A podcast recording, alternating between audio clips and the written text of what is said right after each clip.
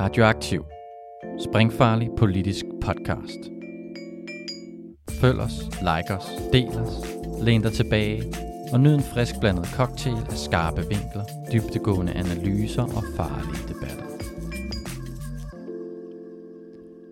Mit navn er Simon Kivit. Velkommen til et solidaritet og radioaktivt debatprogram.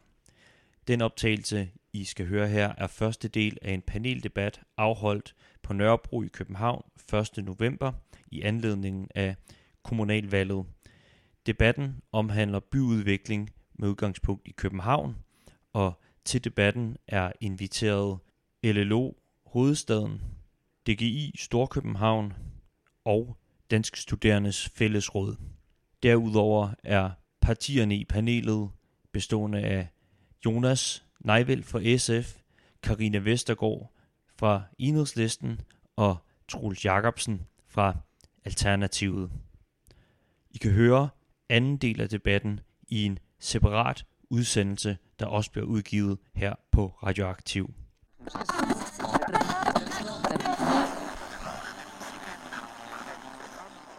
Jeg har inviteret et øh, panel bestående af både politikere og bevægelsesfolk, fordi vi tænkte, vi ville have en øh, lidt anden debat end bare, øh, når man siger byudvikling, at det bare bliver for mod Lynetteholm, for mod Amagerfælledparken. Øh, så tænkte vi, at vi øh, ville prøve at bringe nogle andre perspektiver og visioner i spil, som vores politikere ligesom kunne forholde sig til at tale op mod. Og det er Rashid, der vil styre debatten, så jeg giver ordet til, til dig. Mit navn er Rashid Mutik, og jeg er journalist og solidaritet. Derudover så øh, stiller jeg op til DM i stand-up, hvis nogen øh, skulle kende til det. Det skal lige med ind, synes jeg. Det synes jeg også er vigtigt, det her på torsdag semifinalen er. Så øh, lige lidt reklame. Men i hvert fald, så har vi fået lettet stemningen lidt. Men øh, i hvert fald, hvis vi bare går til venstre, så har man en præsentation nu her. Jeg hedder Jakob Jul og er direktør i DGI Storkøbenhavn. Jeg hedder øh, Mads, og jeg kommer fra Dansk Studenternes Fællesråd, og jeg er lidt dobbeltrepræsentant i dag, fordi det er faktisk Studenterrådet ved Københavns Universitet, der udbetaler min løn. Ja, hej, jeg hedder Troels Christian Jacobsen, og jeg er medlem af borgerrepræsentationen for Alternativet og sidder i beskæftigelsesudvalget. Så er jeg selv tidligere øh, øh, borger i jobcentersystemet og kender alle faldgrupperne som borger. Hej hej, jeg hedder Jonas Neivelt. Jeg er formand for SF Vandløse, og så er jeg også kandidat til det forestående kommunalvalg i Københavns Kommune. Hej, og jeg hedder Karina Vestergaard Madsen, og jeg repræsenterer enhedslisten ind i borgerorganisationen. Det her det er min anden periode. Jeg sidder øh, i Kultur- og Fritidsudvalget og i Økonomiudvalget, og jeg er gruppeformand, men igennem mine snart otte år har jeg siddet i alle fagudvalg. Så øh, ja, øhm, og til daglig, når jeg ikke lige fører valgkamp, så arbejder jeg på VUC Lønby. Hej, jeg hedder Claus Højde. Jeg kommer fra Lejernes Landsorganisation, LLO i hovedstaden, hvor jeg er direktør. Øh, og det har været en helt, helt lille år efterhånden. Vi skal som sagt disku- diskutere byudvikling. Og i den sammenhæng, så er det vigtigt at finde ud af, fordi København er jo en by, der både er presset på at kunne modtage flere indbyggere, levere billige boliger og også grønne nok områder. Men stadigvæk er der jo også plads til visioner, og nu her der er det vigtigt, at vi får diskuteret nogle af visionerne. Og derfor vil vi give bevægelserne lov til først og fremmest at sige, hvad har de af visioner for København på baggrund af deres medlemmer, eller dem de repræsenterer. Og lad os bare starte nemmest lige til venstre for mig. Vil du have lov til at sige det på cirka 5 minutter? Ja, og det var så Jakob fra DGI Storkøbenhavn. DGI Storkøbenhavn, vi er idrætsforeningernes udviklingshus, øh, og det er vi jo i en by, der er i konstant forandring. Øh, og derfor så er vi faktisk øh, over de sidste årti i stigende omfang begyndt at interessere os for byudvikling.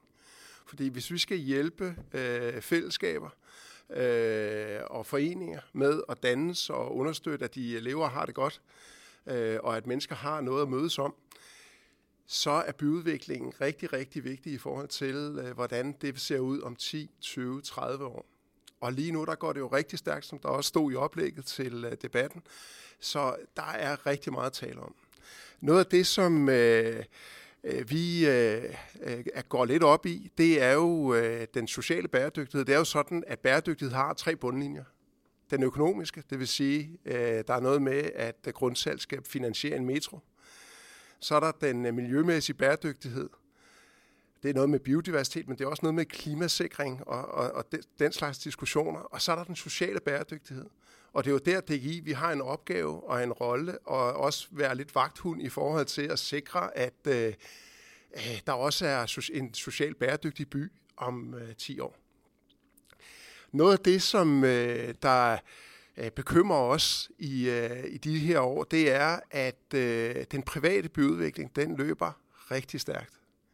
Øh, det vil der bygges boliger øh, rundt i København, der laves nye bydele, der laves også byfortætning, også her på Nørrebro. Øh, og øh, det, det, man kan kalde den offentlige byudvikling, det vil sige, at øh, kommunen, som skal sikre, at der er skoler og børnehaver og kultur- og fritidsfaciliteter, det halter efter. Det kan simpelthen ikke følge med. En af grundene til, at det ikke kan følge med, det er, at der er et anlægsloft, som København også skal forholde sig til, ligesom andre kommuner. Men det er et problem, når det går rigtig stærkt, fordi så rammer man hurtigt anlægsloftet, som sætter en grænse for kommunens øh, muligheder for at investere i øh, kommunale faciliteter til skoler og børnehaver og fritidsfaciliteter. Et kæmpe problem, vi har. Blandt andet her i, i Nørrebro, som jo er Nordeuropas tættest bebyggede, byg, be, be, øh, tættest bebyggede område, der, øh, der mangler der i den grad faciliteter. Øh, vi har en fodboldklub, Nørrebro United, som har lige i underkanten af 2.000 medlemmer, og de har under to fodboldbaner samlet set. Øhm, så det, man må sige, det er, at den økonomiske bæredygtighed, den har ligesom trumfet de andre to, de andre bundlinjer i København. Den øh, miljømæssige og øh, den sociale bæredygtighed. Og det er jo, det er jo populært øh, udsagn her i det her forum, øh, kunne jeg forestille mig. Men problemet ved det er, at øh, det, der sker lige nu, det er, at øh, de grønne, og så foreningslivet, idrætsforeningslivet, vi slås som smuglerne. Og det går på de høje navler. Så meget så Karina, hun ved ikke rigtigt, om hun skal synes, at øh, der skal være idrætsfaciliteter i Nordhavn, eller om der skal være en naturpark. Og det, det er jo øh, et kæmpe problem, det er endt der. For, øh, det er godt at høre, øh, fordi det er også det, vi mener, øh, at det skal. Fordi det, det, går ud, det, det jo øh, er helt afgørende, det er, at de, der skal bo her i København, at de har et godt liv, og at det skal være tæt på, hvor de bor, hvor børnene går i skole. Hvis ikke det er det, så ved vi, at det vil få en kæmpe social slagside. Vi ved, at øh, de velstillede øh, forældre de er bedre til at flytte deres børn derhen, hvor der er aktiviteter. De er også bedre til at få dem meldt til. Mens at dem, der er mere udsat socialt, de har svært ved at flytte sig rundt i byen. Og så kan man godt arbejde med den blandede by, og det synes vi jo også er, er et fornemt øh, budskab at arbejde med, at byen skal være blandet, og man skal mødes på tværs af sociale skæld. Men det går ikke at isolere det til, øh, til boligpolitik der er også noget med det rekreative liv. Altså, hvordan er det, vi skal mødes i foreningslivet? Hvordan er det, vi skal have nogle grønne muligheder tæt på, hvor vi bor? Øh, hvor er det, vi har nogle faciliteter vi kan, og nogle aktiviteter, vi kan mødes om? Sådan helt konkret, der hvor vi står nu, ikke, der er sådan nogle ting, som man er sådan stærkt bekymrende. Det er stærkt bekymrende, når man overhovedet snakker byfortætning på Nørrebro. Altså hver eneste ledig kvadratmeter på Nørrebro burde man tænke i at lave øh, grønt og rekreativt, øh, sådan som verden ser ud lige nu. Så er der nogle andre bydele, hvor, hvor øh, man godt kan arbejde med byfortætning, hvis man griber det rigtigt an. Et af de steder, vi kigger positivt på, det er, det er Tingbjerg. Der tror vi faktisk, at det projekt, der kører derude med den øh, helhedsplan, der er på Tingbjerg, at det er super fornuftigt at øh, byfortæt derude, fordi der er idrætsfaciliteter derude. Der er også gode grønne øh, faciliteter med, med mosen og, øh, og befæstningsringen osv. derude der er rigtig gode muligheder. Det, som der bare er vigtigt så, det er, når man der er, skal bo 40% ekstra mennesker ude i den bydel, så er det rigtig, rigtig vigtigt, at man så går ind og kigger på de grønne områder og på de øh, idrætsfaciliteter, og så ser, hvordan kan vi få mere ud af dem? Hvordan kan de gavne flere? Hvordan kan vi beskytte os de områder? Hvordan kan vi måske også gøre Tingbjerg Idrætspark, gøre det til en del af det grønne? Kunne det ikke også, i stedet for at være en græsørken, kunne man ikke også arbejde med øget biodiversitet på det område, og lade det være en del af en grøn øh, korridor for biodiversitet? Så vi bliver nødt til, vi er nødt til at kigge på det mere nuanceret, end vi gør, ind, har gjort indtil nu i København. Ja, øh, jeg hedder Mads, som sagt, og jeg øh, kommer fra Dansk Studerendes Fællesråd. Øh, og det betyder, at det primært er et studenterperspektiv, øh, jeg kommer til at øh, levere til det her, øh, og et øh, unge menneskeperspektiv øh, i det hele taget. Øh, noget af det, vi har rigtig stor fokus på, det er, at der skal være flere studieboliger helt generelt.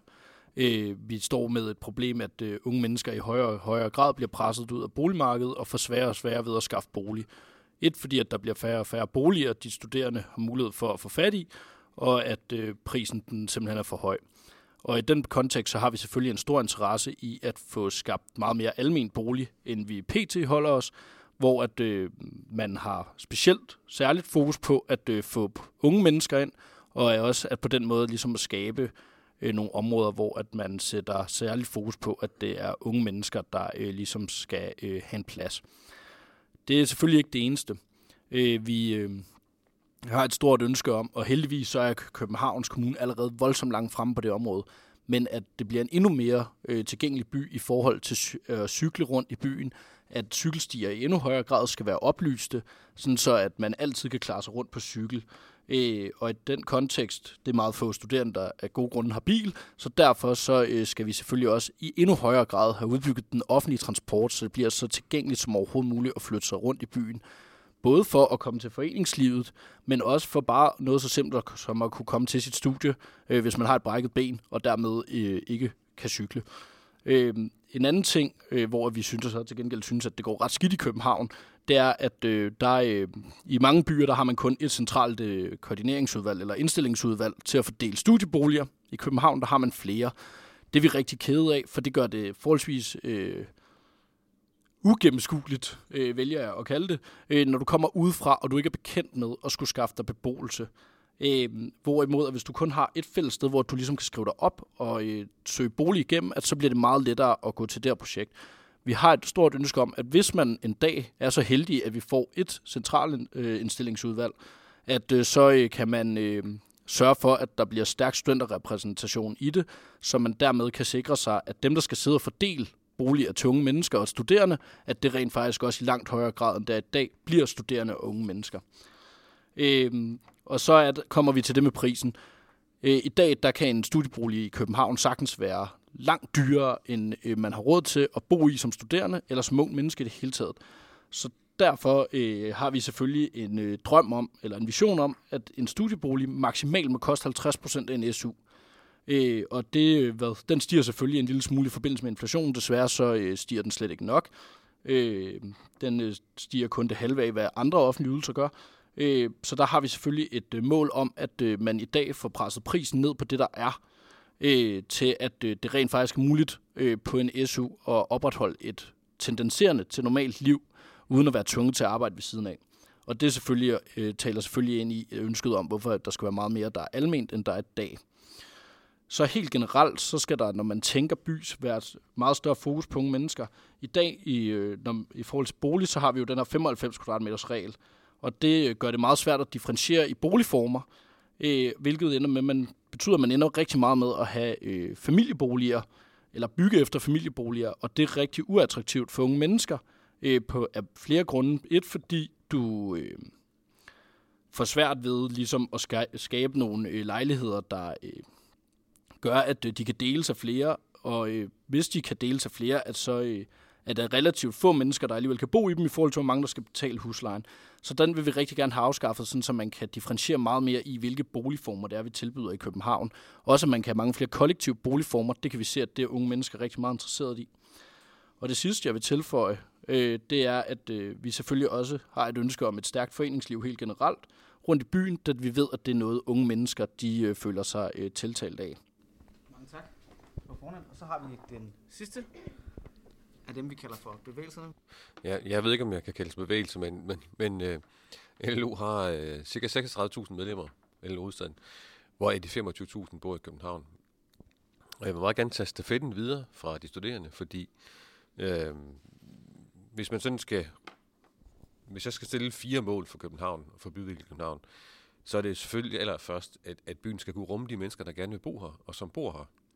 Øh, det, det er ligesom forudsætningen for, for en god byudvikling. Øh, men det er også, at de bor under gode og sunde og ordentlige forhold. Det er også, at byen er god at opholde sig i, selvfølgelig, også med idrætsfaciliteter osv. Øh, at have en blandet befolkning.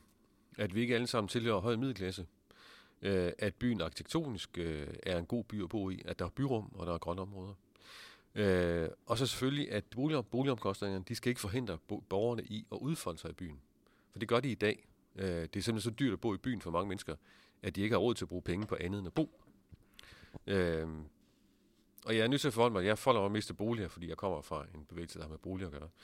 Øh, vi skal have styr på boligudgifterne. Øh, og her spiller ejerboligerne i København det er ikke nogen særlig stor rolle. Så alt den her snak om dyre ejerboliger, den er vigtig for København, men ikke så vigtig.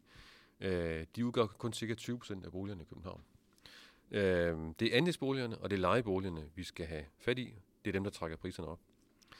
Øh, og jeg er nødt til at sige det, vi er nødt til at regulere lejen. Øh, det er der mange, der ikke er enige i, men det øh, mener vi altså er meget nødvendigt.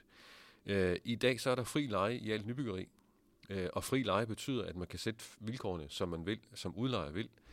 Øh, og det betyder altså, at en lejlighed på 50 kvadratmeter i dag er omkring 10.000 kroner øh, om måneden. Og det er der jo ikke nogen, der har råd til at betale. Eller jo, det er der, men så bor man tæt, eller man, øh, man låner penge, eller man øh, af studerende, der bor sammen i en toværelses. Og så er omkostningen faktisk, hvad der svarer til en SU. Øhm, og igen, der er jeg nødt til at gentage øh, de studerende, at vi skal have flere almene boliger. Øhm, også til middelklassen. Altså både til studerende, og også til folk, der ikke er nogen, der ikke er den, de, store, øh, de store indtægter, men også til middelklassen.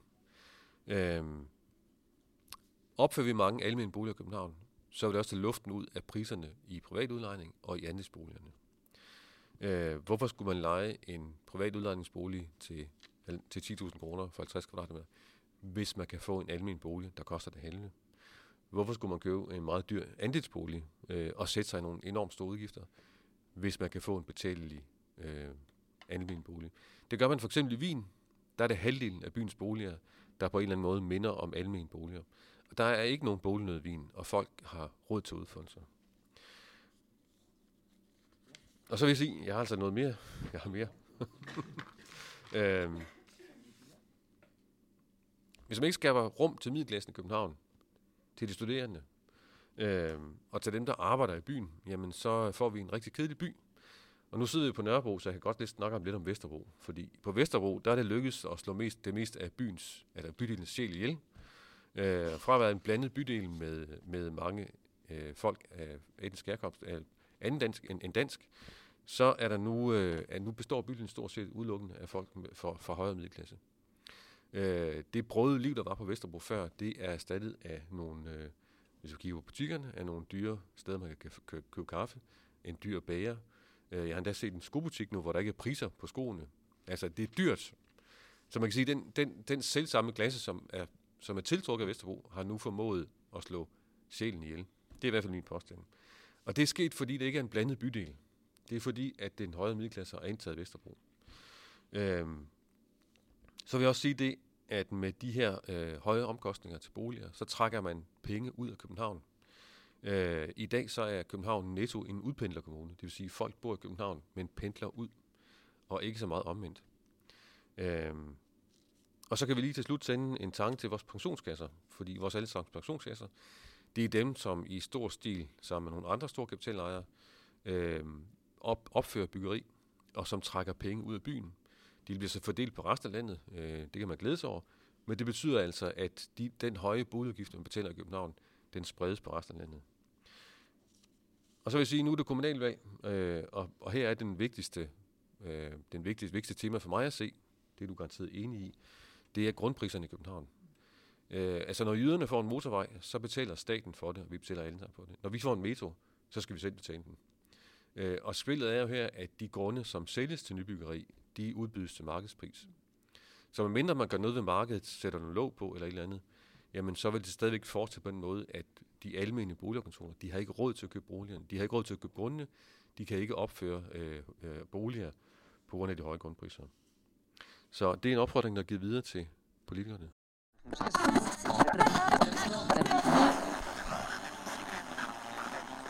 Så har I nu politikere også godt og vel fem minutter til lige at komme med, med, med svar i forhold til det, og samtidig måske også selv sige noget om, hvad I, øh, hvad I synes. Og det er primært i forhold til boliger nu. det er primært i forhold til de Ja. visioner, der er blevet fremlagt fra, fra, fra de andre parter. Ikke? Ja. Men, men, øh, men lad, os endelig, øh, lad os endelig holde den nogenlunde ved, ved det. Ja, præcis. Jamen altså, øh, hele spørgsmålet omkring det her med øh, både billige boliger og herunder boliger, ungdomsboliger, og for enhedslisten handler det om almene ungdomsboliger, netop fordi, at man til de private ungdomsboliger ikke har kan sikre anvisningsretten, altså man er ikke sikker på, at det rent faktisk bliver unge mennesker, som så også kommer til at bo i de her ungdomsboliger, der bliver opført. Men når jeg, vi snakker om billige boliger, så er det jo lige præcis, fordi det er det problem, som er allerstørst i København. Altså ikke, at der er for mange, men netop, at der er for få. Og at det er ved at ændre København på en måde, så øh, helt almindelige lønmodtagere, studerende, ældre, pensionister ikke længere har råd til at bo i København. Og det kommer til at ændre vores by, og det bliver vi nødt til at ændre på. Og en af årsagerne til, at priserne er blevet begyndt at, er, er steget så voldsomt, og at vi ikke rigtig kan gøre noget ved, eller ikke har kunnet gøre noget ved det. Det er ikke kun et spørgsmål om, vi tror ikke på enhedslisten, at hvis vi bare bygger boliger nok, så skal prisen nok holdes nede. Fordi man får kun billige boliger, hvis man bygger billige boliger. Og derfor er vores fokus, at vi skal bygge billige boliger, og vi skal bygge mange flere billige boliger. Men så længe, at vi har by- og havnkonstruktionen, og det var lidt det, du var inde på, den konstruktion, hvor at man får at finansiere metro eller anden infrastruktur i København, har dannet by og havn, hvor man har lagt alle kommunale grunde ind. Og formålet med by og havn, det er, når man skal sælge grunden, at sælge dem så dyrt som overhovedet muligt, for at få så mange penge i kassen, så man kan lave metro eller anden offentlig transport. Det siger sig selv, at det gør, at boligpriserne altså kun har én vej, og det er op. Og vi kan ikke lave billige boliger, hvis vi bliver med med at fortsætte den vej. Det er rigtig fint, at man har truffet en beslutning i BR om, at nu skal der hver gang man bygger nyt, så skal man bygge 25 procent almene boliger. Men det, der sker på nuværende tidspunkt, det er, at det ofte er sådan, at de, by, de billige eller de almene boliger enten ikke bliver bygget, fordi at bygherrer ikke har nogen interesse i det, man kan ikke tjene særlig meget på det, eller at de bliver bygget allersidst. Og så er der også den udfordring, at man kan jo sige jo sig selv, at hvis man skal udvikle et nyt byområde, og man så beslutter sig for at sige, at 25 procent skal være almene boliger, og det er jo ikke nødvendigvis, de er i hvert fald ikke alle sammen billige lige i starten. Det bliver de hen ad vejen, men lige i starten, der er de ikke sådan, som vi vil definere som billige. Så er der jo 75 procent, der er de dyre. Og de er ikke bare sådan gennemsnitligt dyre, de er vanvittigt dyre. Og der vil vi gerne vende den rundt. Så vi siger, at når vi skal udvikle nye byområder fra nu af og i et langt stykke tid frem i tiden, fordi at vi skal sikre, at vi opre, eller at vi får en blandet by, så skal 75 procent af dem være billige boliger. Det er ikke nødvendigvis alle sammen, der skal være almene boliger. Det kunne også sagtens være private lejeboliger, men der skal være loft over huslejen. Og så bliver man sådan helt, wow, kan man det? Kan det nu overhovedet lade sig gøre? Fordi er by og havn ikke sådan en, øh, er det ikke bare sådan, at by og havn, det er sådan noget, der er, og det er den måde, at, vi, at, at boliger, det er noget, der ligesom er et investeringsobjekt. Kan man virkelig lave om på det? Er det så ikke den rene socialisme? Det kan man faktisk godt, og vi kan faktisk godt gøre det, også inden for den lovgivning, der er på nuværende tidspunkt. Og derfor, nu, det vil jeg bare lige sige det sidste ting, fordi så skal jeg også lidt give den videre. Men øh, en af de ting, vi har foreslået, det er, og det er lidt også inspireret af vinmodellen, som du lige nævner, at vi skal, i stedet for by og havn, skal lave det, der hedder en jordfond. Altså hvor vi tager de sidste rester af, af grunde tilbage fra by og havn, og lægger dem i sådan en fond, men at vi også har forkøbsret som Københavns Kommune til at opkøbe jord, når der skal byudvikles, og så hvad skal man sige, sælge dem videre eller give dem videre til en investor. Det kan sådan set godt være en privat investor, fordi det der bare er, det er, at den investor skal altså bygge boliger, hvor der er et loft over huslejen, som du siger. Det er også en af udfordringerne, der er, at når man skal lege boliger ud, så vil nyboliger, altså når man skal lege dem ud første gang, så er der ikke noget loft. Og det loft skal vi have etableret. Jo, tak. Øhm, og tak for, tak for indsparkene fra de forskellige bevægelser. Øh, jeg vil starte med, med boligerne også, og så brede mig lidt ud derfra. Øhm, I SF går vi selvfølgelig også ind for billige boliger overalt, og så mange som muligt. Øhm, det er også derfor, SF øh, vælger at gå med i forlig, øh, for at presse, fordi jeg er personligt enig i, at vi godt kunne vende rundt på de 75 procent og de 25 procent almene boliger, men der er, desværre ikke, der er desværre ikke flertal for det i borgerrepræsentationen. Derfor går SF med i forlig for at øh, få sat det her, øh, for at få sat procentdelen af de almene boliger op til i hvert fald flere steder opnået 33 og 40 procent øh, almene boliger, og det er dog en fremgang i forhold til, hvad der ellers var på tegnebrættet. Øh, og jeg er enig i, at øh, udbud og efterspørgsel ikke er det mest udslagsgivende for boligpriserne, men det er dog også en del af, hvad boligpriserne gør. Så for at skabe de bedst mulige resultater med det samme, så går vi med i de her forlig og øh, får dem i en så god retning, som vi nu magter. Øhm, noget jeg også gerne vil fokusere på i forhold til det, som både DGI og øh, de studerende nævnte før, det er, at vi skal huske i forhold til fremkommeligheden i byen, øhm, at øh, den fremkommelighed ikke kun skal forbedres på brugkvartererne og i Indre By. Øhm, vi har øh, en ret stor del af kommunens befolkning, der bor uden for de her dele. Vi snakker Valby, vi snakker Brøndshøj, vi snakker Vandløse, hvor, øh, som jeg også selv kommer fra øhm, hvor øh, de her forbedringer i trafikken, der er på tegnbrættet i Indreby, det er de ikke derude. Og der bor folk også. Vi har en supercykelsti i Vandløse, som, hvor der ikke er nogen cykelsti, for eksempel. Så det kunne vi, øh, så den er der på papiret, men ikke i virkeligheden.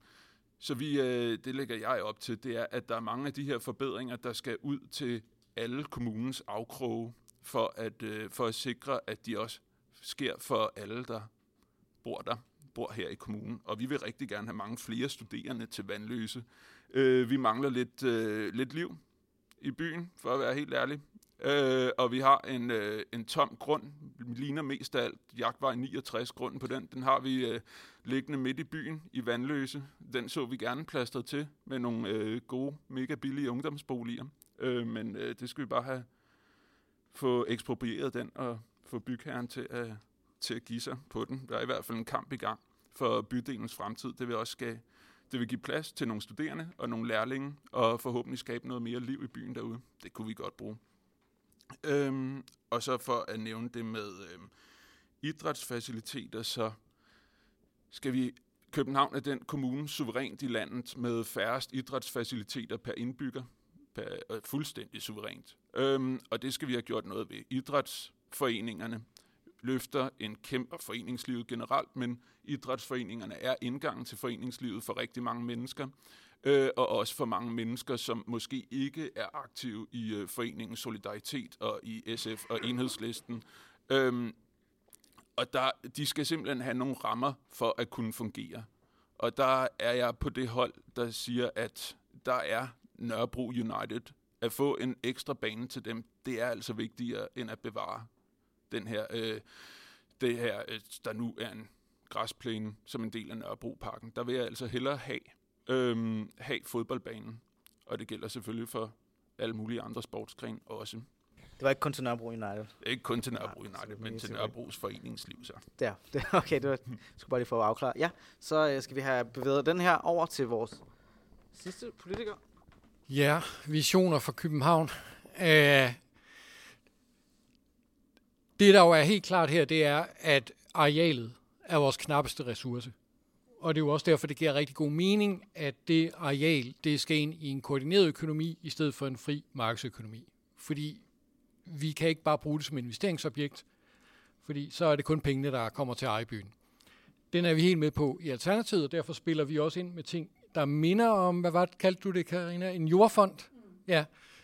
Uh, I vores valgprogram har vi det, der hedder en boligfond, øh, der er lidt i, i samme dur, øh, som ikke bare handler om den jord, vi har. Vi har jo også haft som princip i løbet af de her første fire år, at vi ikke vil være med til at sælge øh, kommunens ejendom, øh, hvis vi kunne på nogen måde undgå det. Øhm, men det, der er vores tanke med Boligfonden, øh, det er, at øh, man kunne kalde det en slags omvendt by og havn. øh, det er, at vi skal simpelthen til at købe øh, ejendommen tilbage. Altså, fordi balancen er rykket. Og det, der sker, når det private marked fylder, som vi hørte med vin-historien, altså som det modsatte eksempel, det er, det er det, der dikterer prisudviklingen.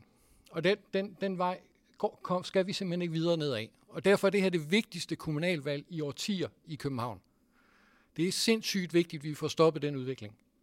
Fordi ellers så ender vi et sted som London eller nogle af de andre byer, hvor det er stukket helt af. Noget af det, vi så ser en, øh, en pointe i sådan noget med en boligfond, er, at øh, ud over sådan jord, som selvfølgelig vil være nice at have at bygge på, øh, så er det jo også eksisterende ejendom. Og der findes for eksempel en øh, ny kollektivfonden, som er gået i gang med at opkøbe kollektiver i københavnske lejligheder, for at sørge for, at de ikke bliver realiseret på, til markedspris. Det vil sige, at de får dem lukket ind i en fælles fond, hvor de ikke kan sælges ud af. Det er sådan noget, som en kommunal boligfond kunne være med til at sikre lån, altså gode, gunstige lånemuligheder til den kollektivfond, så de får endnu bedre muligheder til at opkøbe kollektiver i Københavns Kommune, hvis vi nu taler ind i ungdomsboliger. Øhm, og vi bliver nødt til at kigge på alle de knapper, hvis vi skal forvente udviklingen.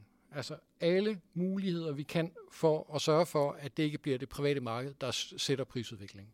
Fordi det, der er sket de sidste 10 år, det er, at det er gået fra, at offentligt ejet i en eller anden forstand var op omkring halvdelen. Og nu taler jeg altså også privat udlejning, altså det er godt nok lejligheder, men det er private, der ejer det. Det er nu over halvdelen af det københavnske boligmarked. Og den kurs fortsætter, hvis vi bliver ved med at tillade 75 procent øh, privat ejet nybyggeri og kun 25 procent almindeligt. Så det er super vigtigt for Alternativet, at vi forventer en udvikling. Det er forudsætningen for overhovedet at kunne tale om visioner. Fordi ellers så bliver det bare øh, developers visioner, vi kommer til at lægge ryg til. Og derfor forstår jeg simpelthen ikke de partier, der for eksempel er med på, at vi skal blive ved med at finansiere øh, metro og infrastruktur ved grundsal. Fordi den, den går kun en vej. Altså, jeg kan simpelthen ikke... Jeg, jeg, jeg er ved at dø som politiker, når jeg er inde i BR, sidder og hører folk sige, så laver vi en ny metro hertil, og en ny metro hertil. Og det er sådan, hvor skal pengene komme fra? Vi har allerede en kæmpe metrogæld, vi skal finansiere på den her måde. Vi bliver nødt til at finde nogle andre finansieringsmuligheder, hvis vi vil gøre det. Og det er der ikke nogen, der vil tale om. Så det er et kæmpe problem. Men ellers så skal vi jo til at tænke helhed. For Alternativet noget af det vigtigste for os, efter vi har været her i fire år i BR, det er, at vi har fattet, at øh, københavnerne lider af forudsforsnævring, fordi vi kan kun se til kommunegrænsen. Altså, det her, vi er så selvoptaget i København, vi ser kun altså, til kommunegrænsen stort set. Det er også derfor, man finder på sådan noget som Lynetteholm. Altså fordi, nu skal vi gøre København større. Det, vi bliver nødt til, det er at tage vores ansvar på os som den største kommune i hovedstadsområdet og lave et rigtigt samarbejde med omegnskommunerne om, hvordan vi laver en helhedsudvikling. Fordi vi får jo også mange andre problemer. Vi får problemer som det, vi ser med nattelivet i det centrale København. Fordi hvis du er ung i Gladsaxe for eksempel, og gerne vil ud og hygge med vennerne og drikke et par bajer, så er der faktisk nærmest ikke nogen steder i Gladsaxe at tage hen. Så hvor tager du hen i stedet for? Du tager ind til København. Og på den måde ender vi med den her frygtelige centralisering, vi ser i København K og efterhånden på Nørrebro og Vesterbro. Og der bliver vi nødt til at have en polycentrisk byudvikling i hele hovedstadsområdet.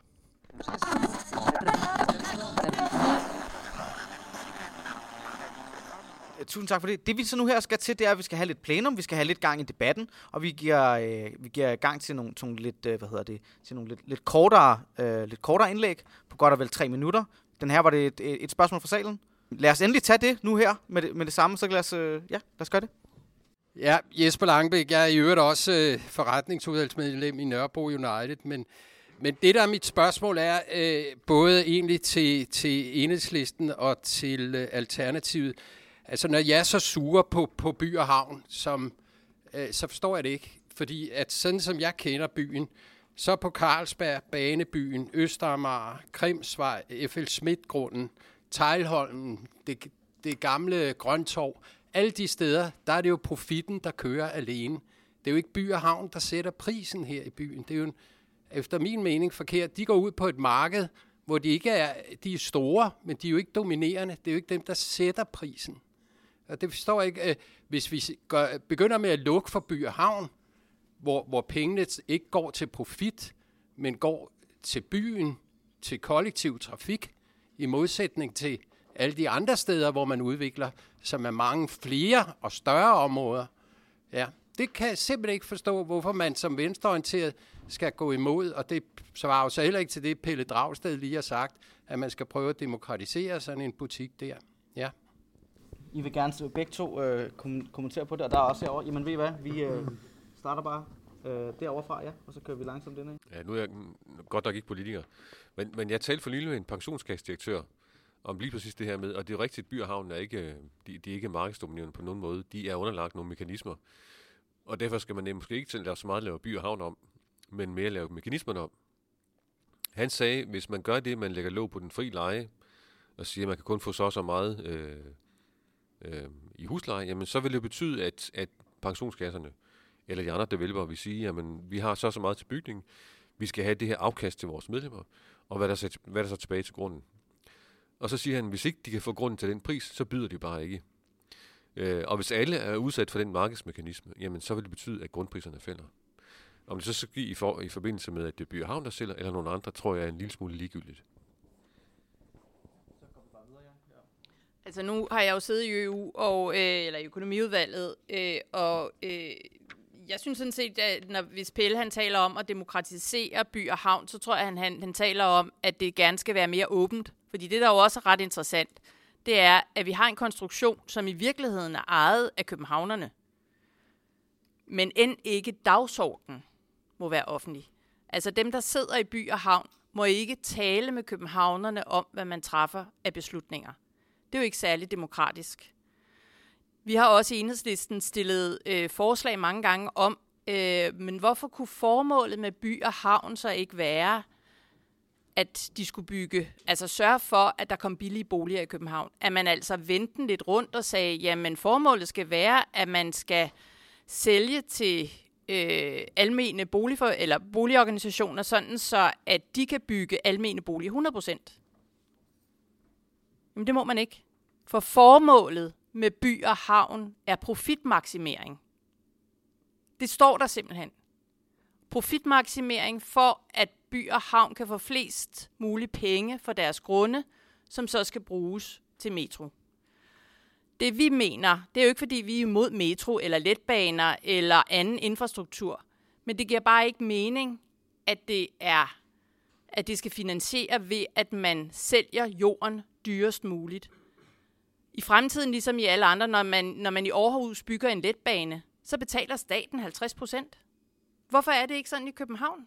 Det er da helt fuldstændig hul i hovedet. Så derfor så mener vi, at hvis man gerne vil gøre op med den måde, som det har fungeret indtil nu, så er det helt afgørende, at vi enten får ændret by og havn. Det tror jeg ikke så meget på. Øh, men færre nok, hvis vi kan det, sådan så formålet bliver at bygge billige boliger med et huslejeloft. Eller at vi så gør det, at vi simpelthen tager byudviklingen ud af by og havn, og så ligger den over i en jordfond, og vi kan også godt kalde den en boligfond, hvis det er, at vi skal have den gennemført. Fordi i virkeligheden lyder det lidt som om, at i hvert fald langt hen ad vejen er det ret meget det samme. Okay. Så giver vi lige Troels lov til at svare, så får de andre øh, øh, også lov til at byde ind. Altså, problemet med By og Havn er jo, som Karina siger, at opgaven er at servicere metrogælden ved at sælge dyrest muligt. Og det næste problem er jo netop, at langt det meste af det, de sælger, det kommer ud øh, i det private marked, og som bliver, øh, så bliver styrende for prisudviklingen af jordpriser og ejendomspriser, og i sidste ende huslejer i Københavns Kommune.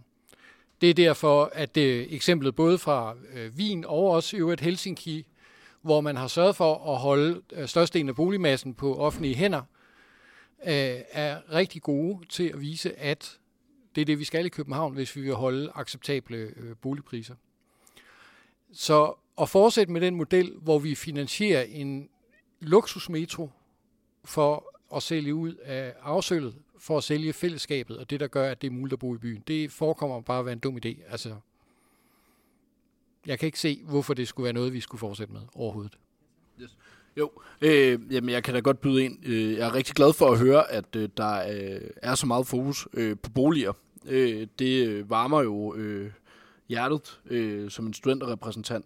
Øh, jeg tror, en af de ting, der har øh, ved øh, sådan den øh, effektuerede boligpolitik øh, det sidste stykke tid øh, i Københavns Kommune, har gjort også ret ked af det, det er, at man har fundet på øh, sådan nogle øh, lappeløsninger for, i stedet for at fikse et reelt problem øh, det sidste lange stykke tid, det er, at man har lavet øh, blandt andet øh, nede ved øh, Ny Ellebjerg, der har man lavet sådan, øh, nogle containerboliger, øh, hvor at øh, studerende kan bo midlertidigt, øh, mens at øh, de øh, finder noget andet. Øh, og der har man øh, mere eller mindre uddelegeret opgaven til studenterhuset at få det her til at virke.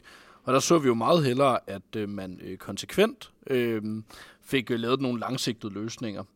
Øh, og det tror jeg sådan set ikke, at øh, der er nogen her i øh, rummet øh, eller i panelet, der er uenige i, at man skal have gjort. Øh, men det øh, tror jeg er øh, super vigtigt, at man holder sig for øje, at øh, man skal lade være med på sigt at øh, lave de her lappeløsninger. Også fordi det bliver en måde, hvorpå at vi forsøger at øh, sådan halvt skjule et problem ved at øh, dække ind, og så kan man sige, ah, at nu øh, forsøger vi at øh, etablere sådan en boliggaranti, øh, og så i stedet, at øh, så øh, må man åbent bare snakke om, hvor graverende problemet er, og så øh, gå direkte til problemets råd i stedet. Det øh, tror jeg er en super vigtig ting at have med, at vi øh, stopper med at lave lappeløsninger på øh, graverende problemer. Karina, du har en øh, kommentar? Nej, men det var bare lige en kommentar i forhold til det her med øh, containerbyer eller øh, midlertidige ungdomsboliger. At øh, jeg er sådan set enig, hvis vi ikke havde en strategi for at få, øh, hvad det hedder, bygget virkelig, virkelig mange ungdomsboliger. Men det har vi jo. Vi har allerede besluttet, det tager bare alt for lang tid.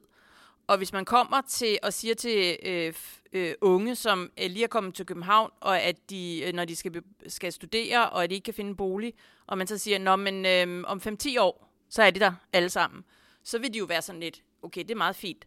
Og derfor har vi jo så, altså det, man kan sige, i enhedslisten har vi diskuteret det en del, fordi vi selvfølgelig er med på det, I siger, at det kan ende med noget, der er midlertidigt, kan ende med at blive permanent. Eller at man siger, nu har vi de her midlertidige boliger, må ikke så, at vi så kan slække lidt på, når vi endelig skal finde de reelle penge til så at få sat de projekter i gang, som vi rent faktisk har besluttet.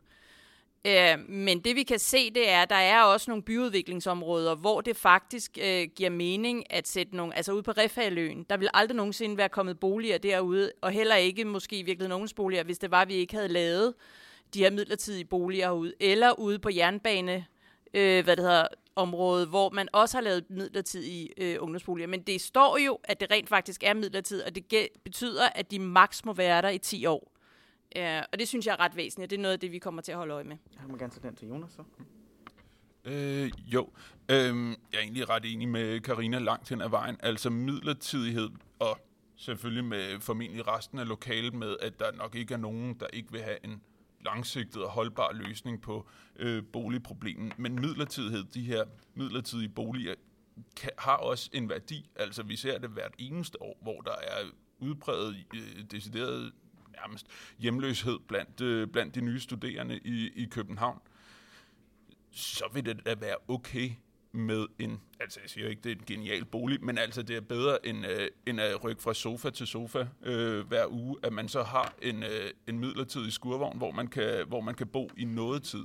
Det der er vigtigt, øh, det der er vigtigt, det er at midlertidigheden mel, øh, kommunikeres klart ud fra kommunen, sådan at vi er enige om det her, det er en midlertidig løsning for, fordi den er mulig at lave her nu, og den løser eller hjælper på et, øh, på et konkret problem, som vi står i lige nu, så synes jeg ikke, der er noget galt med midlertidigheden som en, som en lappeløsning, men der er også brug for lappeløsninger. Så vil jeg lige tage en, øh, tage, tage en problemstilling. Vi har haft øh, den her, øh, øh det beskriver du også selv, 25 procent almindelige boliger, der er lavet nogle garantier i forhold til, hvor meget af nye boligområder øh, almindeligt skal være. Men hvad med, øh, hvad med idrætsforeningerne? Er der, er der en minimumsgrænse på et eller andet sted i København for, hvor, hvor lidt plads der må være til idrætsforeningerne. Fordi man kan jo høre, ud fra det du beskriver, at der er meget trænge kår herinde i Storkøbenhavn. Øh, og, og ja, så det var egentlig et spørgsmål dertil. Jeg kan lige, hvis jeg... Ja, selvfølgelig endelig op med noget mere. Put lidt øh, kul på den der. Ja. Lige nu, lige nu, der er der 37 procent af alle børn i Københavns Kommune, de står på en venteliste til at komme ind i en idrætsforening.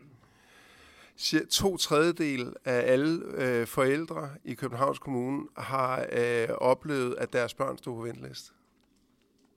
Men altså lige nu 37 procent.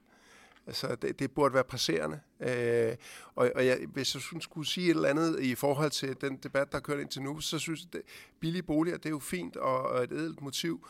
Men det kunne være interessant, hvis man snakkede lidt mere om, hvad det er for et liv, man ønsker, at borgere i København skal have lov at leve. Øh, og at det var et udgangs, stærkere udgangspunkt for snakken, end bare om billigere, at boliger skal være billige eller dyre. Det var jo så et indlæg her. Øh, hvad hedder det? Vi får lige et svar, så var der et spørgsmål fra salen. Nå, men jeg vil bare gerne sige noget i forhold til idrætsfaciliteter, og jeg er sådan set ikke enig i, at vi skal til at lave sådan en rangorden. Hvad er vigtigst? Det, jeg tror, der er vigtigt, og det er også lidt det, jeg hører, når vi sådan snakker visioner, at når man taler om en by som København, så er der mange ting, der er vigtige. Det ene af det er billige boliger. Det andet er, at det går jo heller ikke, at vi så bygger, hvis det nu var, at vi kunne bygge 100% billige boliger ud på Amagerfællet, ville enhedslisten så være for Amagerfællet? Nej.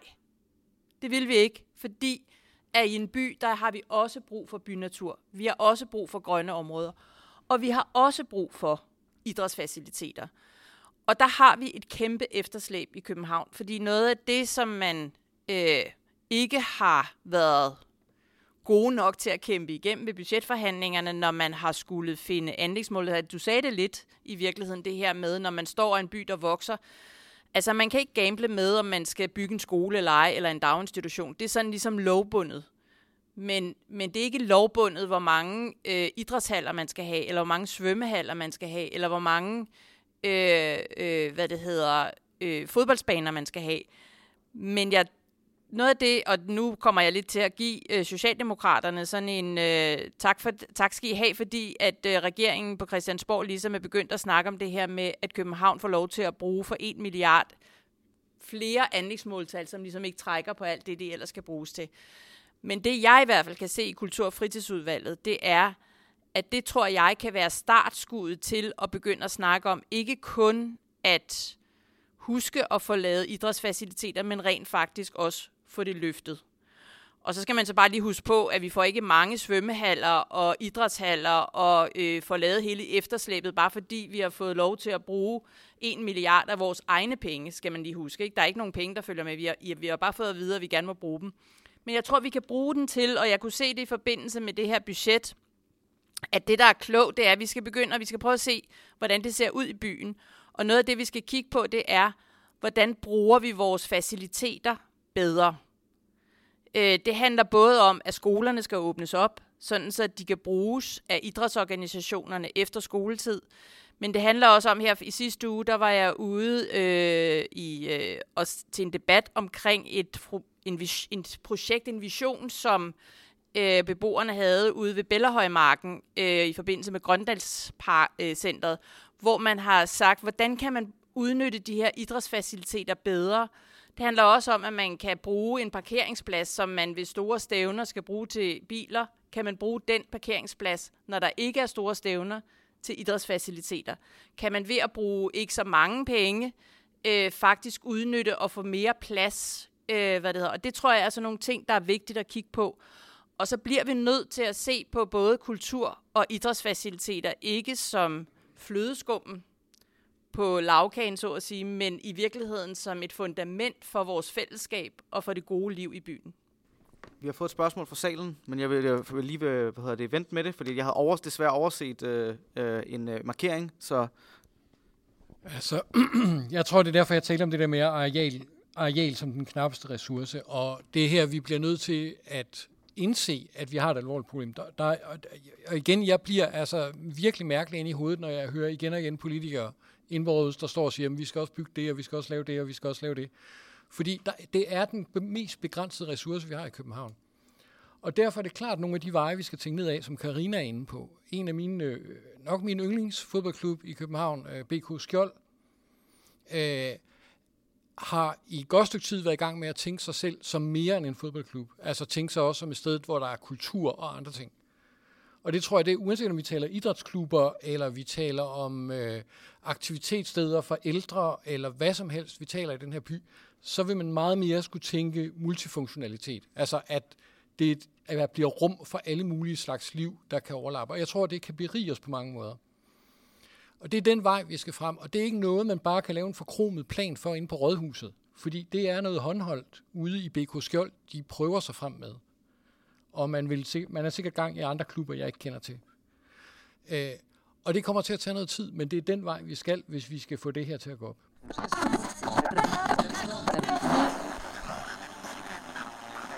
Så var der øh, to spørgsmål fra salen faktisk, så vi tager bare dem begge. Jeg har bare et lille spørgsmål, der hedder Bitten. Jeg har et lille spørgsmål til alt det her med bolig, fordi det er jo meget fint, at vi gerne vil have billigere boliger. Men hvor mange mennesker er det? Altså, hvad, hvad, hvordan, er det, hvad, hvordan ser problemet ud? Hvem er det, der skal bo i byen, for at vi har en velfungerende hovedstad? Fordi hvis øh, vi har en velfungerende hovedstad, hvis med 50 procent af borgerne, der har brug for billige boliger, så er det jo ligegyldigt hvis med 75 procent. Altså, jeg, jeg vil bare gerne vide, hvordan ser det egentlig ud, det her problem? Altså, øh, ja, så både med boliger og med alt muligt andet kulturelt. Hvem er det egentlig, der skal bo her? Hvordan ser befolkningssammensætningen ud i en velfungerende hovedstad? Fordi så må det jo være den, man skal ligesom catere til, og ikke bare et eller andet, i hvor vi vil gerne have billige boliger. Og så er der øh, endnu et spørgsmål. Vi tænker, vi tager dem begge to, og så den her. Jamen, jeg hedder Stig. Jeg er formand for en uh, modelflyveklub i København. Øh, og det, som jeg vil prøve at tale med politikere om, særligt her på Venstrefløjen, det var, at, at uh, vi blev smidt ud af, af Selina Maj for fire år siden, fordi der, af Selina Maj, fordi at der var en, øh, at der var en, øh, der var, at der var en byskov, øh, og der var der ikke plads til en, øh, til, til en, til en modelflyveplads, og øh, enhedslisten, som er borgmesteren i spidsen, ville ikke øh, gå ind i den der debat. Øh, så havde vi, havde, så var vi oppe og diskutere med, øh, eller vi havde for, vi havde for, vi havde foretrædet for, øh, for kulturudvalget, øh, og kulturudvalget sagde, det synes vi er en rigtig god idé, øh, fordi at vi som, øh, som, at vi som kommune skal have øh, et, et foreningsliv, hvor at der skal være kant, og derfor opfordrer man så, kulturudvalget op, opfordrer så teknik- og miljøudvalget til at, at tage en afgørelse, og at øh, teknik- og miljøudvalget valgte ikke at gøre noget.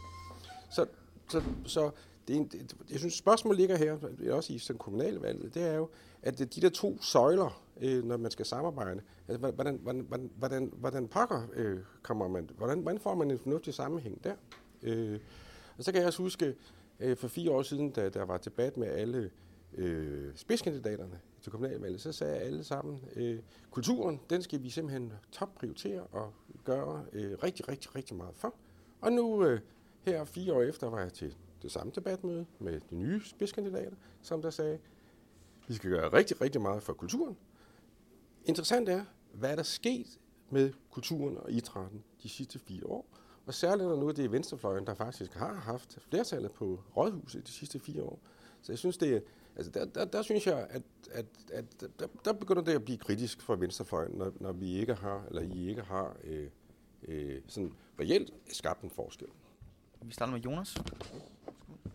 Jo, men bare et øh, svar på, øh, som jeg har forstået, en vision for, hvem der skal, hvem der skal bo i byen. Øh, jeg vil komme med et, øh, nogen vil måske sige gammeldags venstreorienteret svar, men jeg synes, det er øh, relevant. Jamen, det skal arbejderklassen. Øh, det er arbejderklassen, der skal bo i København. Øh, blandt andet. Øh, men altså, det er dem, der ikke har råd til at bo her i dag. Det er folk, der bliver presset ud af byen, fordi de står i et lavt lønsjob, eller lavt, for lavt lønnede jobs i forhold til, hvad boligpriserne i København tilsiger. Vi står med et kæmpe rekrutteringsproblem. Det gør man på landsplan, men det gør man i særlig grad i Københavns Kommune i forhold til at, til at ansætte pædagoger, fordi der er ikke nogen pædagoger, der har råd til at bo i byen for den hyre, de får. Øhm, så øh, kunne man give dem noget mere i løn. Det er der ikke rigtig flertal for. Der er desværre også borgerlige øh, inde i borgerrepræsentationen. Øh, så det er dem, vi skal bygge de her billige boliger for. Det er dem... Ja, hvad? Hvor mange er det? Altså, der, der er jo nogle højt lønsjob også. Er det 75 procent af alle arbejdspladser i Danmark er så dårligt betalt, at man ikke har råd til at bo i byen? Eller er det 50 procent, der har brug for billige Det har jeg ikke et tal på. Har du? Ja. Faktisk Claus, der har, har, har budt ind øh, øh, lige før her, ja. så jeg vil bede ham om. Ja, jeg har faktisk en rapport, du kan læse bagefter, hvis du har lyst, øh, om tilgængelighed på boligmarkedet. Øh, man kan sige, det er jo altid et definitionsspørgsmål, hvem der skal have lov at bo i byen. Jeg kan bare konstatere nu, så er der nogen, der ikke har råd til det. Men jeg tror, jeg er meget enig med Enhedslist, eller undskyld, med Alternativ i, at man er nok nødt til at tænke København som andet end Københavns Kommune. Øh, fordi øh, i omegnskommunerne er der også øh, er der, der, der er nogle steder, hvor der er faktisk øh, er, er lidt overskud af boliger. Øh, og det her med, at man trækker hele tiden, øh, man, man hele tiden centrerer byen omkring Indre København, Nørrebro, Vesterbro, tror jeg også er et problem i den sammenhæng.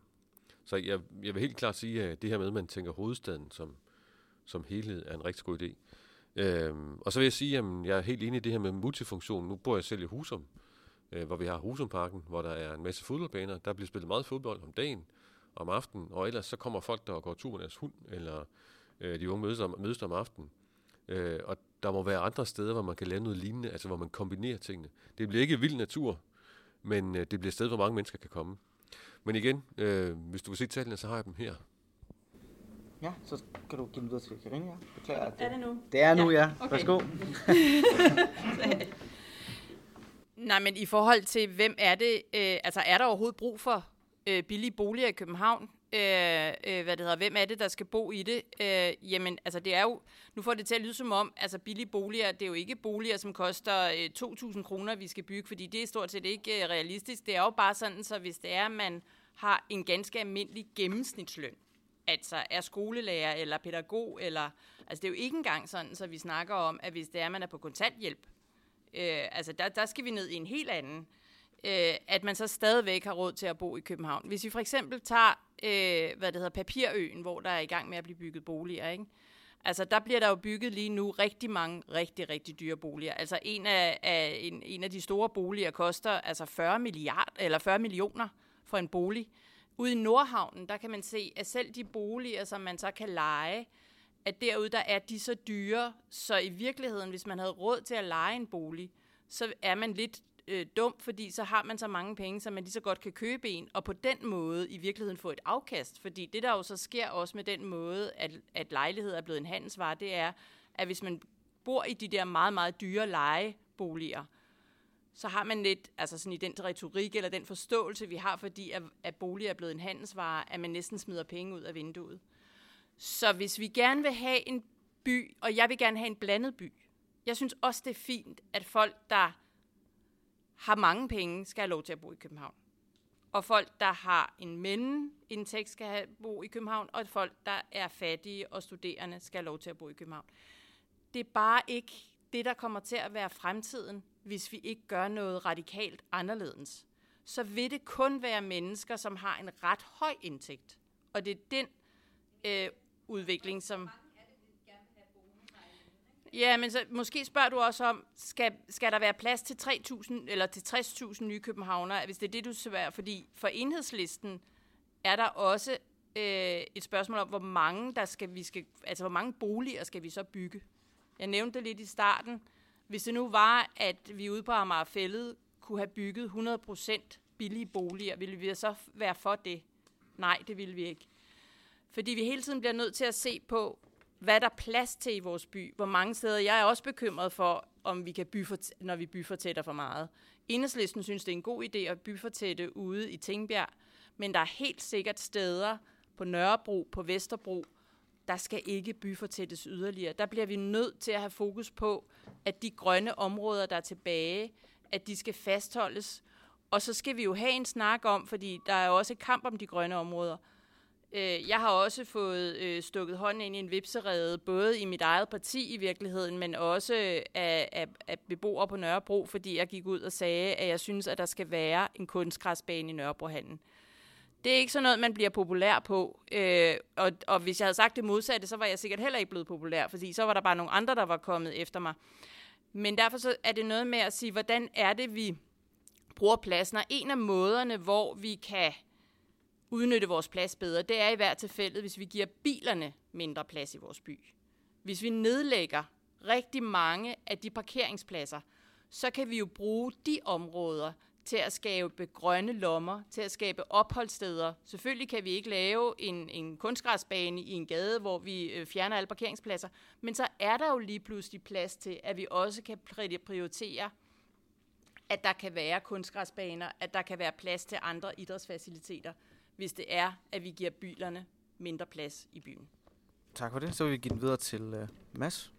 Jeg er rigtig glad for, at øh, du siger øh, det øh, i forhold til biler, Karina. Det er jo en af de ting, vi øh, rigtig gerne så ske. Det var, at man i langt øh, højere grad øh, skubbede biler ud og øh, modsat for intensiveret mængden af øh, cykelstier, vi har øh, rundt. Og at man også investerer massivt i den offentlige transport, i stedet for at blive ved med at øh, bruge øh, penge og plads på, at der skal kunne være biler inde i vores by. Øh, jeg tror noget af det der, øh, jeg har ikke tal på præcis hvor mange studerende det er, øh, der står uden bolig. Øh, men det man kan se, det er, at ved vinterstart og ved sommerstart på studierne, der øh, ser man et voldsomt stort ryg ind mod København af studerende, der presser hele den bil, eller øh, billige ud fra københavnske standarder, del af boligmarkedet i en sådan grad, at, der, at det er tæt på umuligt at finde bolig for nye studerende, hvis de ikke øh, enten øh, er fra København og dermed har et netværk, eller de kommer ud fra og har et netværk, der gør, at de kan tiltvinge sig adgang. Og øh, som øh, repræsentant for unge mennesker og studerende, der synes jeg selvfølgelig, at der skal være rigtig meget plads til unge mennesker, og at der skal være fokus på, at der netop skal være plads til unge mennesker, fordi det er dem, der kan drive øh, noget fremadrettet i byen og være med til at danne byen på sigt, og at det ligesom er dem, der er byens fremtid, og dermed så bliver vi nødt til at holde fast i dem på en eller anden måde. Ellers så smutter de bare igen med al deres kreativitet. Øh, det tror jeg, det er øh, noget rigtig vigtigt. Men det skal jo være netop en differentieret by, hvor der er plads til alle, for det er det, der gør det sjovt at leve her. Øh, lige nu, øh, det er tidligere blevet sagt med Vesterbro, hvordan man nærmest har dræbt det som øh, byområde, og sådan, det ser man jo i højere og højere grad over hele byen, og i stedet så burde man jo netop sørge for, at det er en by, hvor at der er, at det er alle lag, der bor, sådan så vi sikrer os, at der er noget spændende og godt liv rundt omkring, som alle i virkeligheden er interesseret i, i stedet for, at øh, vi får en øh, by, der er øh, meget stille og rolig og øh, tilpasset. I hvert fald øh, alt andet, end at der skal være øh, ungdomsfest rundt i byen. Øh, det er øh, super uheldigt på mange punkter. Altså, det er jo, øh, tror jeg, ikke rigtig nogen af vores opgaver at sige præcis, hvem der skal bo i København. Øh, jeg tror, når vi taler om det der med, at der skal bygges langt mere øh, offentligt ejet, så handler det ikke om, at det er for de fattigste eller noget. Det handler med om, at det, at vi kan se, at hvis det er det private marked, der styrer prisudviklingen, så stikker det helt af. Altså, så får vi de, altså jeg kender folk, der bor i London, som har gode, pæne indtægter, og som, altså de, kan, de har kun råd til en lille toværelseslejlighed, ikke? Og det, der skal vi slet ikke hen, og det er ikke noget, det, det er jo noget, vi er nødt til at tage nu. Fordi ellers så begynder, det, det har sin egen dynamik, så ruller det bare videre og videre og videre. Og derfor taler vi om det her med, at det er måske, at vi skal op på 75% almindeligt, eller ja, købe ejendommen tilbage. Så kan det jo sagtens være, at vi har nogle, hvad skal man sige, luksus almindelige boliger, der er, er store og så videre. Ikke? Og det er måske også noget med, hvordan vores forhold til verden er. Det er i hvert fald det, der også er for os i Alternativet. At øh, min gamle ven øh, Ingolf Gabold for eksempel har boet, han har penge nok, han har boet i, i lejebolig hele sit liv, fordi han siger, at jeg har ikke et behov for at eje verden. Øh, og det tror jeg, det er noget af det, som er gået op for os i Alternativet, det er hele det her med, det er vores indstilling til verden og vores forståelse af, at nej, vi har den til låns. Det er ikke os, der ejer den, der bare kan skalte og valte med den, som vi har lyst til. Og det er hele det mindset, som desværre er blevet forstærket gennem de sidste 20-30 år, og som man kan sige, når vi snakker om Vesterbro, og hvorfor det er gået så galt, så kan man også sige, ja, kommunen solgte også alle de billige udlejningsejendomme på Vesterbro til andel. En af mine gode venner dengang købte en af dem, og var pisse heldig, at han lige kunne købe den for øh, 15.000 kroner. Og de nu er blevet pænt rige på det. nice for ham. Men nu er han en del af den middelklasse, der har slået Vesterbro ihjel, ikke? fordi der er ikke plads til de mennesker længere.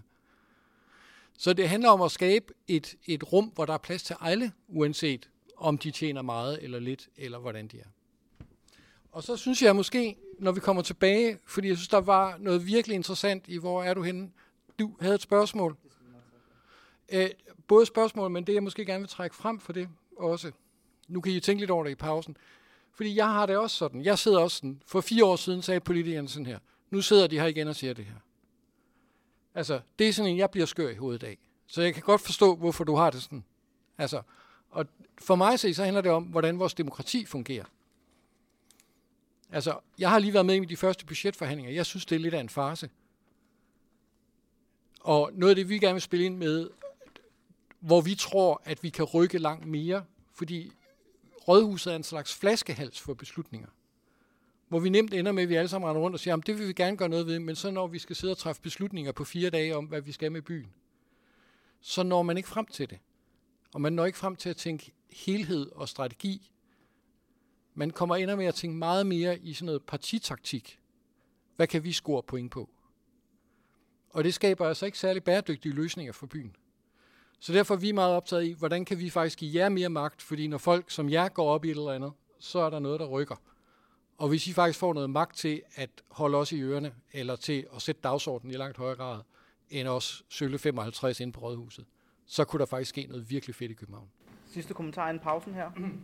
Ja, altså der er noget med, at der også skal bo øh, flere ældre i Københavns Kommune øh, i de kommende år. Øh, det er, København er en meget ung by, men der kommer faktisk flere ældre. Øh, og så er der også noget med, at der er rigtig mange, der bor alene. Øh, Øhm, og det, det, det tæller også om, hvad det er for nogle boliger, der er brug for i, i forhold til de kommende år i København. Øh, man har jo la- sammenlagt mange lejligheder.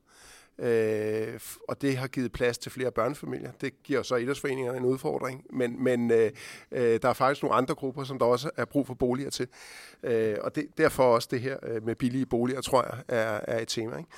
Der blev også spurgt til, øh, hvad der egentlig er sket i de sidste fire år. Jeg vil gerne lige starte med at sige, at den behandling, I fik, den var øh, i jeres øh, modelflyveklub, øh, var direkte uværdig for Københavns Kommune. Øh, der burde man have fundet et andet sted til jer, øh, hvis det var sådan, I ikke kunne være der, hvor, lige der, hvor I var. Den forening, der lige nu er ramt af en lignende situation, det er en, en forening, der hedder Holmen Størt, øh, som er øh, cykler BMX og selv vedligeholder en bane og en fantastisk forening, som øh, både får organiseret og selvorganiserede øh, cyklister. Øh, og det er rigtig ærgerligt, hvis de ender i den samme situation, som I gjorde øh, for 4-5 år siden. Øh, jeg vil, øh, politikerne skal også have noget ros i forhold til øh, budget, det sidste budgetforlig, fordi der blev faktisk lagt nogle spor ud, som er interessante. Det skal bare følges op. Øh, udviklingsplaner for Sundby Park og Valby Park, er interessante, hvis øh, det munder ud i, at man faktisk beslutter øh, og, og, og øh, øh beslutter nogle planer og beslutter at gennemføre noget, som gør, at de steder kan bruges til mere idræt, end det kan lige nu. Øh, den samme øvelse er der brug for at gøre også i Ryparken og Kløvermarken og Tingbjerg. Øh, altså simpelthen kigge på noget af det, der er idrætsfaciliteter. Hvad kan vi gøre for, at det bliver brugt endnu bedre til gavn for flere? Øhm, der er også blevet øh, givet øh, midler til en screening af Nordhavn. Altså kan man finde grund, man kan købe, som kan bruges til idrætsfaciliteter. Også interessant. Så der er faktisk lagt nogle spor ud. Der er også nogle kloge beslutninger. Belysning omkring Damhussøen. Øh, Øh, nogle forsøg med at åbne skoler op, så foreninger kan bruge det øh, i højere grad, end de har adgang til nu, øh, øh, så, det, så flere foreninger får en klubfacilitet, så den der vigtige tredje halvleg i højere grad kan udfolde sig. Så der er blevet faktisk lagt nogle spor ud, og det, der er vigtigt nu i de næste fire år, det er jo så at, at sikre, at det så faktisk bliver til noget øh, med, med de her spor, der er lagt ud, at de bliver ført ud i livet. Tusind tak for god ro og orden så, så, så fremt. Vi har jo haft lidt, øh, vi har haft lidt ekstra på her, fordi vi har taget nogle folk ind fra bevægelser og øh, øh LLO her, hvilket også har betydet, at vi har fået lidt, lidt forskellige øh, input, men jeg synes, at vi har haft nogle rigtig gode input. Mange tak for, øh, for, for spørgsmålene i salen her.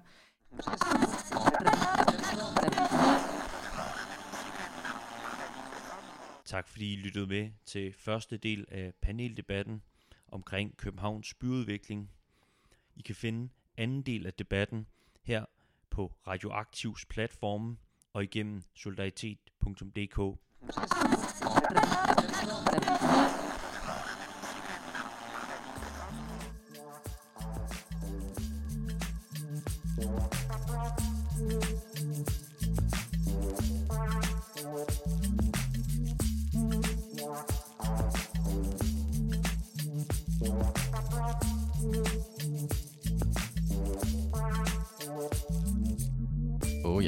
Inden du smutter, husk nu lige at følge Radioaktiv. Vi er på Facebook, Twitter, på SoundCloud eller i din podcast-app. En række af vores podcasts udkommer også som video på YouTube. Du må også gerne dele os med dine venner. Hvis du er ellevild, så kan du gå ind på solidaritet.dk og blive medlem af vores medie.